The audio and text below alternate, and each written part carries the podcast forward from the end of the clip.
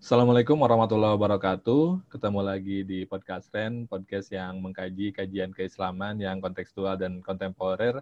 Dan di episode kali ini spesial karena saya kedatangan Gus Romji. Beliau adalah CEO uh, Pesantren Development Project, juga dalam tanda kutip otak di balik milenial dan banyak gerakan um, keislaman yang uh, kekinian yang beliau inisiasi. Uh, beliau adalah seorang kiai muda, guru saya juga, dan uh, di episode kali ini kita mau ngobrolin soal COVID-19 dan hubungannya dengan pesantren. Assalamualaikum Gus. Waalaikumsalam warahmatullahi wabarakatuh, Pak Kiai Irfan. Sehat ya? Aduh, ampun, Alhamdulillah sehat. Gimana Gus Romji kabarnya? Alhamdulillah sehat juga, masih tetap dalam protokol kesehatan lah. Iya, iya, iya, Alhamdulillah. Uh, Gus Robi sebelum kita ngobrol pengen diceritain dulu sih uh, pengen diceritain dulu dong kayak sebetulnya pesantren development project itu seperti apa sih?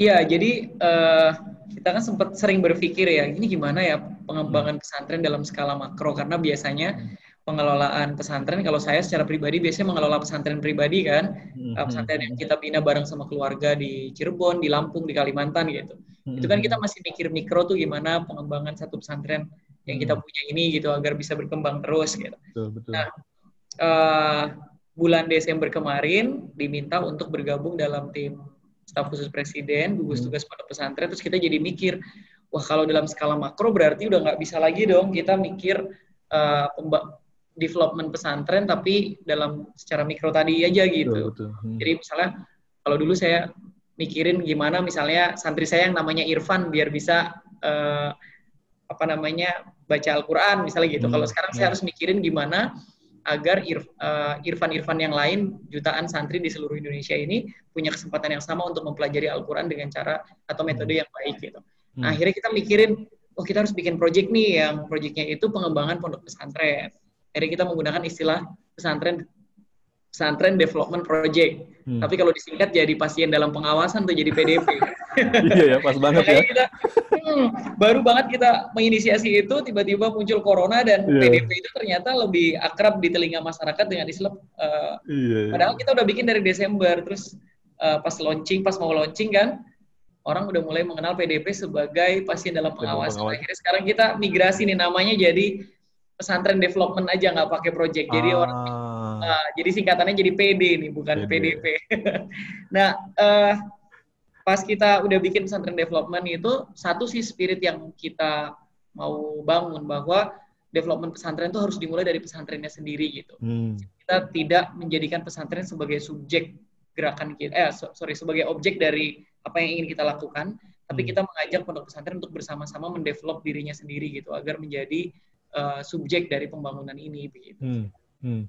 Kalau medianya itu apakah apakah memperkuat basis pengajaran yang offline di pesantren atau uh, merangkul pesantren untuk akomodatif kayak dengan sosial media, dengan pengajaran online gitu, gimana tuh Gus?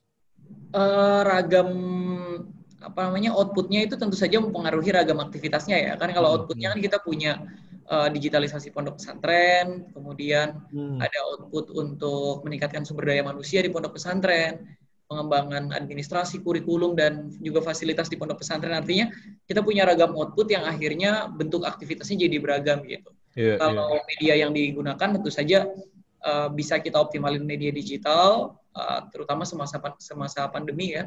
Selama pandemi kita pakai pakai digital semuanya, hmm. tapi ke depan sih kayaknya akan lebih banyak offline-nya gitu. Jadi kita iya. benar-benar kayak misalnya mengumpulkan pesantren di di Bandung gitu, seluruh pesantren hmm. di Bandung kita kumpulkan, terus kemudian kita uh, ngebangun awareness dulu apa sih sebenarnya yang harus ditingkatkan secara bersama-sama di pondok pesantren gitu. Setelah hmm. awareness-nya kebangun, baru mulai uh, pelaksanaan kegiatannya gitu di. di yeah, yeah. Jadi yeah. Uh, jadi tergantung pada output yang ingin dicapainya sih. Hmm, menarik. Tapi ini guys sih Gus kayak tadi kan disebut diceritain juga bahwa PDP kemudian juga akronimnya jadi bergeser gara-gara COVID ini. Nah, iya betul. Sebetulnya kalau dari pandangan Gus Robi sendiri dengan uh, yang yang yang apa namanya kayak melakukan observasi dan menganalisa dan bersinggungan langsung dengan pesantren, hmm. sebetulnya Uh, oh ya dan bahkan saya lihat juga kemarin uh, melakukan rapid test di beberapa pesantren ya. juga kan ya. Nah ya, itu sejauh temuan-temuan yang terjadi di pesantren itu seperti apa sih hubungannya dengan COVID kayak dampak yang mereka rasakan seperti apa gitu? Iya, dampaknya tentu saja sih sebenarnya uh, pesantren juga terdampak itu ya school closures ya sama seperti hmm. Hmm. sama seperti sekolah-sekolah formal lainnya gitu. Hmm. Uh, selama ada yang satu bulan, dua bulan, tiga bulan menutup pondok pesantren dan memulangkan semua santrinya. Hmm. Tapi memang pas kata kemarin ada pembatasan sosial berskala besar itu mulai ada relaksasi dan sebagainya, pemerintah hmm. juga membuat protokol untuk santri bisa kembali ke pondok pesantren. Jadi hmm. per hari ini sih saya rasa sudah mungkin lebih dari 80 atau 90 persen pondok pesantren sudah dipenuhi oleh uh, oleh apa namanya oleh santri ya. Hmm. Jadi kalau pertanyaannya tadi dampaknya yang dirasain apa ya banyak banget sih uh, penutupan tadi yang pertama, yang kedua adalah uh, para kiai, guru ngaji dan sebagainya sudah mulai uh, membuat protokol kesehatan yang juga sangat ketat di pondok pesantren. Tapi menurut saya dampaknya lebih banyak positifnya daripada negatifnya. Ah, Artinya, uh, ya contohnya misalnya gini, dulu di pesantren kita biasa lah, mungkin Kang Irfan sebagai alumni pesantren juga yeah. ada anduk temen main kita pakai aja gitu. Nah, sekarang yeah, yeah, yeah. sudah mulai ada protokol nggak harus punya anduk masing-masing, yeah, yeah. gayung masing-masing, sabun masing-masing gitu. Nah ini kan berarti positif juga. Uh, kamar yang dulunya banyak barang-barang tergantung hmm. atau apa semuanya sekarang mulai direkomendasikan untuk punya sendiri-sendiri. Hmm. Uh, dulu kita tidur pakai bantal orang, bantal siapa aja boleh dipakai gitu kan di pesantren. Betul, betul, Sekarang betul. banyak pesantren yang mulai membangun itu. Artinya secara aktivitas keseharian untuk uh, santri positif banget Kang Irfan saya ngerasain. Saya kalau hmm. datang ke pondok pesantren, wah ini udah rapi-rapi, bersih-bersih gitu. Hmm. Semua orang hmm. tahu bahwa uh, yang sekarang penting banget untuk dijaga adalah kesehatan. Dan uh, pesantren juga udah mulai mendiskusikan tema-tema terkait penanganan bencana, penanganan hmm. wabah dan sebagainya gitu. Yang tentu saja dikaitkan dengan pengajian keagamaan juga ini jadi penting hmm. juga Pak Irfan. Di yeah, Indonesia yeah. kan kita butuh lebih banyak ulama yang mau membawa uh, narasi keagamaan untuk mengajak umat uh, menjaga kebersihan, menjaga hmm. protokol kesehatan gitu. Hmm. Nah, dengan pengalaman corona ini juga memberikan kesempatan untuk pondok pesantren untuk mempelajari kira-kira ngajarin misalnya mitigasi bencana atau siaga bencana, siaga wabah itu ke santri gimana sih agar in case hmm. of emergency in the future terjadi lagi para santri ini Udah bisa siap, bisa, uh, siap dan dan hmm. dan bisa mengajarkan kepada uh, kepada jamaahnya masing-masing gitu karena kan kebanyakan dari mereka pasti nantinya akan membuat majelis taklim atau pondok pesantren hmm. atau aktif di kegiatan keagamaan mereka bisa uh, mengajak mereka dengan narasi mengajak masyarakat atau umat ya dengan narasi keagamaan untuk lebih aware terhadap uh, apa namanya keadaan-keadaan yang mungkin berkaitan dengan kesehatan atau kebencanaan begitu. Ya. Artinya saya melihat uh, ada banyak sisi positif dari corona ini gitu. Hmm. Jadi kalau dari pandangan Gus Ramji sebetulnya malah uh, santri dan pesantren itu siap ya dalam tanda kutip untuk uh, mengadaptasi kebiasaan baru ini di era yang adaptasi kebiasaan baru new normal ini gitu. Uh, walaupun ya, untuk, gitu. Ya, gimana? Untuk itunya siap. Untuk untuk mengadaptasi kebiasaan barunya siap. Hmm. Yang masih sebenarnya uh, kita khawatirkan adalah uh, apakah pondok pesantren akan menjadi klaster baru sebagaimana hmm. yang kita khawatirkan misalnya terjadi di secapa TNI kan. Hmm. Kalau melihat kedisiplinan tentu saja dong TNI jauh lebih disiplin daripada santri-santri kan terkait betul. dengan kebersihan yeah, yeah. protokol kesehatan. Nah, kita khawatir terjadi uh, apa namanya? Uh, kita khawatir banget nih kalau hmm. akan menjadi klaster baru karena ternyata pada saat santri kembali ke pondok pesantren dan PSBB waktu itu sudah relaksasi ya, klaster-klaster yeah. di di apa namanya lembaga pendidikan berasrama ini baru muncul gitu. Hmm. Yeah, uh, yeah. Uh, uh, oh. Jadi secapa TNI terus mungkin uh, Kang Irfan udah dengar juga di Gontor ya salah satu pesantren yang yeah. besar itu juga. Iya, itu kan terjadi pasca santri sudah kembali ke rumah, hmm. kemudian hmm. sudah melakukan uh, apa namanya uh, self isolation gitu ya, hmm. udah 14 hmm. hari dan sebagainya sudah baik, sudah mungkin satu bulan dua bulan di rumah. Nah kembali ke pondok pesantren, baru ternyata klaster sekolah berasrama baru muncul di di bulan ini. Nah itu jadi hmm. challenging sih buat kita dan ini uh, apa namanya kita juga sudah mulai rapat-rapat dengan para kiai gitu. Hmm. Apa yang harus dilakukan? Karena kalau misalnya santri harus pulang lagi, maka ada migrasi jutaan iya. manusia lagi, ada eksodus betul, jutaan betul. manusia yang mungkin akan lebih berbahaya gitu. Jadi betul Yeah. Kita kalau dari kalau dari dari obrolan dengan para kiai ini, uh, Gus Romji nangkep kesannya gimana? Soal tadi tadi pagi itu saya baru baca di Alif. Uh, mm-hmm. Alif itu katanya uh, kiai itu terbagi tiga tiga madhab gitulah dalam kata kutip merespon covid ini. ada yang corona ya. Iya, ada yang sangat meyakini bahwa corona ini sangat berbahaya sehingga harus mengikuti pemerintah dan hati-hati dan seterusnya. Ada yeah. yang menganggap bahwa ini konspirasi sehingga tidak begitu berbahaya dan lain-lain gitu. Ada juga yang yang yang mengadopsi kayak mazhab moderat disebutnya kalau di Alif itu yeah. yang uh, ya ini bisa jadi nggak terlalu berbahaya tapi bisa jadi berbahaya tapi kita harus tetap hati-hati katanya gitu. Nah kalau dari diskusi Gus Ramji dengan para kiai ini uh, sense yang Gus Ramji tangkap dari beliau-beliau para sesepuh kita ini gimana Gus? Iya, rata-rata di poin yang nomor tiga yang kalau tadi di hmm. menggunakan uh, apa namanya uh, kriteria kriteria yang dibikin oleh Alif tadi.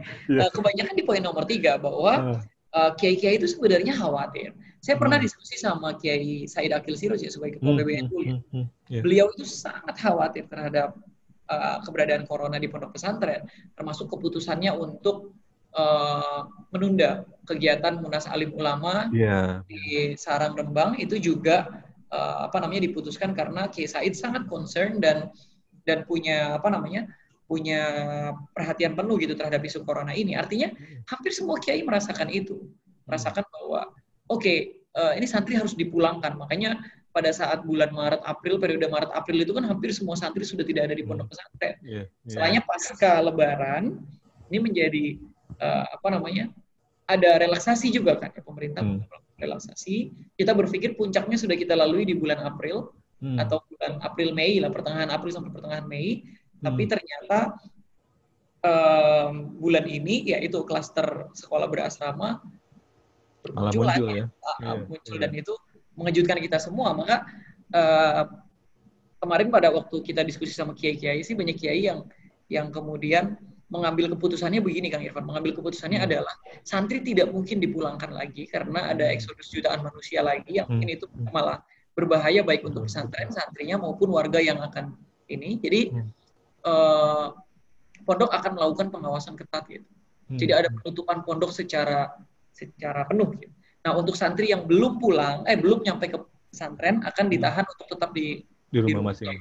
Uh, tapi uh, sebenarnya begini dari uh, informasi yang kita dapat bahwa hampir semua santri yang kembali ke pondok pesantren itu sudah rapid test. Ah. Uh, uh, kalau kalau di di kota-kota besar ya, hmm. tapi kalau di kota-kota yang tidak terlalu besar memang belum belum belum benar-benar terlaksana. Tapi kayak misalnya di Cirebon, di Cirebon itu hampir semua santri yang masuk ke pondok pesantren itu sudah di rapid test dulu. Hmm. Jadi sebelum ke pondok itu mereka akan ke puskesmas rapid test baru ke pondok. Gitu. Dan itu disediakan oleh pemerintah daerah. Artinya hmm. political will dari pemerintah daerah juga penting banget sih yeah. untuk yeah dan dan apa namanya kemarin saya sama Mas Amin juga melakukan rapid test kepada santri-santri di uh, Tangerang, Bogor, di Jakarta. Alhamdulillah eh, di Bandung juga ya. Alhamdulillah 100% kebetulan reaktif ya, eh non reaktif. Non reaktif. Oh. Uh, saya nggak tahu apakah ini memang kita kita kebetulan non reaktif atau gimana, tapi uh, pengalaman di uh, di di yang kita lakukan gitu ya di pesantren itu semuanya non reaktif dan dan alhamdulillah ya akhirnya bisa hmm. terlaksana. Hmm. Tapi kan sekali lagi rapid test itu hanya bisa yeah. satu sampai dua hari saja betul, gitu berlakunya satu atau dua hari aja. Akhirnya uh, kita berpikir ya keputusan para kiai ini bahwa pesantren harus dibuat lebih ketat, tidak boleh ada lagi interaksi dengan dunia luar, hmm. uh, makan dan sebagainya disediakan oleh pondok pesantren, nggak boleh jajan di luar dan sebagainya itu menjadi keputusan yang memang harus diambil saat ini. Iya, Artinya yeah. kalau dulu uh, kita apa namanya eksklusif sih secara memang secara kompleks biasanya pesantren eksklusif sekarang harus dibuat jauh lebih eksklusif lagi gitu perjumpaan hmm. sosial dengan kelompok di luar pondok pesantren lebih baik ditutup dulu hmm, hmm, demi yeah, yeah. menghambat ini gitu. Iya, memang pada dasarnya kan kalau normalnya pesantren memang secara umum membatasi diri dari interaksi ya, dengan ya, luar. untungnya kan. sudah begitu. Untungnya, untungnya sudah begitu. Iya. Tapi kan hanya dari satu mata uang saja misalnya. Iya, iya, nah, iya, iya. Satu ya, pertukaran betul, misalnya kembalian uang yang didapat dari warung itu mungkin bisa berubah berubah ya. ceritanya gitu. Makanya ya. memang uh, apa namanya? di banyak pesantren yang menggunakan trik-trik yang menarik tuh Kang Irfan. Ada yang misalnya jual belinya tidak lagi menggunakan cash gitu untuk kalau belinya di koperasi ah. pesantren gitu. Ada yang modelnya mulai sekarang semua makan dan sebagainya sudah disediakan karena banyak pesantren yang sudah menyediakan makan hmm. tapi yang hmm. bermasalah adalah pesantren yang tidak menyediakan makan yang makannya beli di warung nah ah, itu yang, yang kita khawatirkan ya? uh -uh, karena kan kita nggak bisa bagi klaster mereka kapan hmm, hmm. kapan mereka makan kapan mereka uh, jajan kan kita nggak bisa kontrol hmm. Iya iya iya oke uh, terakhir nih Gus uh, ya pesan Gus Romji sebagai kiai muda, sebagai santri milenial uh, dan um, CEO-nya Pesantren Development untuk teman-teman santri baik yang uh, belum sempat masuk lagi ke pesantren maupun yang sudah di pesantren tapi misalkan bisa akses uh, podcast ini, kira-kira hmm. apa, Gus? Ya pesannya tetap jaga protokol kesehatan sih pertama. Uh, kita diwajibkan untuk juga ini kan apa namanya mendahulukan menghindari kemudaratan daripada melakukan kebaikan dan salah satu dari menghindari kemudaratan adalah dengan uh, melakukan proteksi sepenuhnya untuk physical distancing dan dan menjaga uh, menjaga diri dari bersentuhan dengan uh, barang-barang uh, atau uh, atau atau apa namanya um, semua yang ada lah di lingkungan kita yang mungkin uh, bisa menularkan penyakit ke kita gitu. Jadi protokol kesehatan dijaga dengan baik dan hmm. yang kedua adalah mulai mempelajari eh, hal-hal uh, terkait dengan penanganan wabah, penanganan bencana dan sebagainya karena uh, pengalaman saya selama di pondok pesantren juga saya tidak pernah me belajar tentang itu gitu. Seingat saya uh, uh, seingat saya belajar fikih dulu banyak adalah kebanyakan bagaimana implementasi uh, apa namanya? syariat dalam keadaan wabah itu kita dilaksanakan, tapi bagaimana menghadapi wabahnya kita tidak pernah pelajari itu di pesantren. Uh, ya, tapi fikih dalam bencana, fikih dalam peperangan kan kita pelajari itu ya Kang yeah, Irfan. Yeah, yeah, Jadi yeah. mungkin mulai ke depan pesantren sudah mulai uh, santri-santrinya harus belajar bukan cuma bagaimana cara melaksanakan sholat di tengah wabah, tapi bagaimana uh, semua ritual kehidup uh, apa namanya aktivitas kita sehari-hari itu bisa menghindarkan kita dari wabah, bisa hmm. uh, apa namanya anak uh, santri juga bisa berkontribusi dalam penanganan uh, wabah apa pun itu ya baik covid yeah. maupun yang lainnya gitu yeah. jadi yeah. poinnya dua sih gitu protokol iya. kesehatan yeah. dan mencoba mempelajari lebih jauh lagi terkait dengan uh, hal-hal ini oke okay, ya Terima kasih Gus Romji, menarik sekali pemaparannya, bermanfaat sekali. Jadi tadi teman-teman santri, pertama protokol kesehatan dipatuhi, terus yang kedua menjadikan momentum situasi ini untuk uh, belajar tidak hanya fikih dalam kondisi wabah, tapi bagaimana merespon wabah atau bencana dan lain sebagainya. Ya. Terima kasih sekali sekali lagi Gus Ramji. Semoga sama-sama Kang Irfan. Ya. Uh, demikian podcast demikian podcast kali ini. Terima kasih banyak. Wassalamualaikum warahmatullahi wabarakatuh. Waalaikumsalam warahmatullahi wabarakatuh. Turun Kang. Siap, sampai-sampai.